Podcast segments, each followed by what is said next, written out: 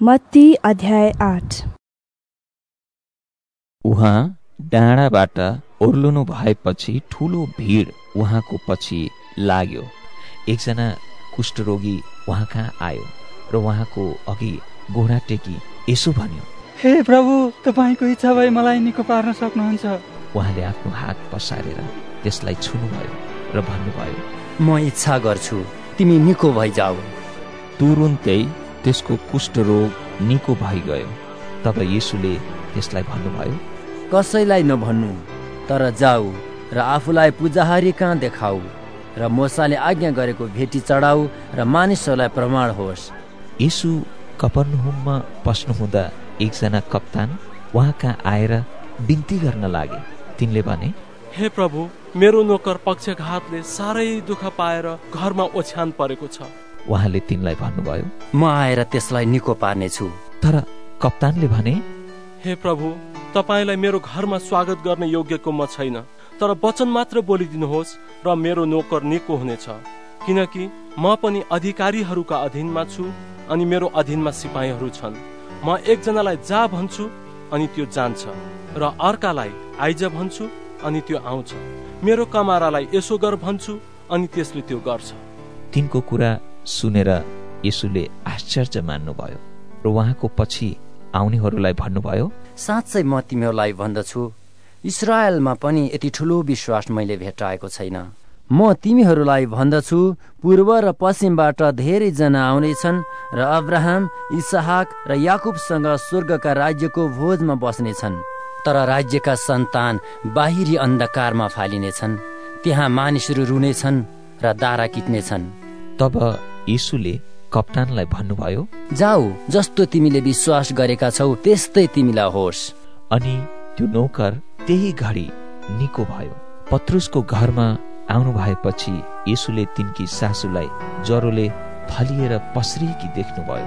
उहाँले तिनको हात छुनुभयो र ज्वरोले तिनलाई छोड्यो अनि तिनी उठिन् र उहाँको सेवा गरिन्।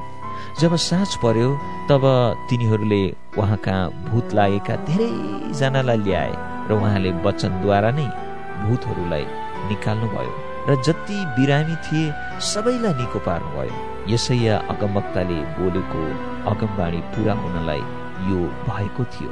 उहाँ आफैले हाम्रा दुर्बलताहरू लिनुभयो र हाम्रा रोगहरू उठाइ लानुभयो जब येसुले आफ्नो वरिपरि ठुला भिडहरूलाई देख्नुभयो उहाँले झिलको पारी जाने आज्ञा दिनुभयो।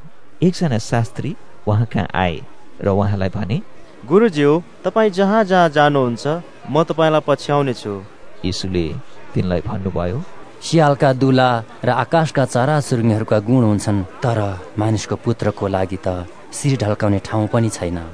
उहाँका चेलाहरूमध्ये अर्को एकजनाले भन्यो प्रभु पहिले गएर मलाई मेरा बाबुलाई गाड्ने अनुमति दिनुहोस्। तर यसुले तिनलाई भन्नुभयो मेरो पछि आऊ मुर्दाले नै तिनका आफ्ना मुर्दा गाडुन्। उहाँ ढुङ्गामा चढ्नु भएपछि उहाँका चेलाहरू उहाँको पछि लागे अकस्मात झिलमा ठुलो आँधी आयो र छालले ढुङ्गालाई ढाक्न लाग्यो।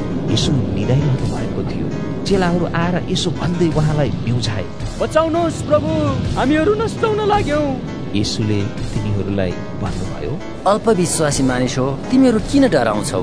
तब उठेर उहाँले बतास र समुद्रलाई हकार्नुभयो र आधी बिल्कुल शान्त भयो। यिनी त कस्ता मानिस हुन् किनभने बतास र समुद्रले पनि यिनका आज्ञा मान्दा रहेछन्। भनी ती मानिसहरू छक्क परे। जब उहाँ पारिपट्टि गदरिनीहरूको मुलुकमा आउनुभयो तब भूत लागेका दुईजना मानिसहरूले चिहानबाट आउँदै गर्दा उहाँलाई भेटे। तिनीहरू यति डरलाग्दा थिए कि कोही पनि त्यहाँबाट आउन जान सक्दैन थिए। तिनीहरूले यसो भन्दै चिच्चाए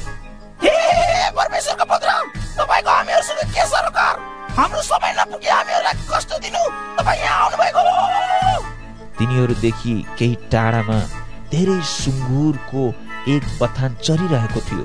भूतहरूले उहाँलाई यसो भनेर बिन्ती गरे।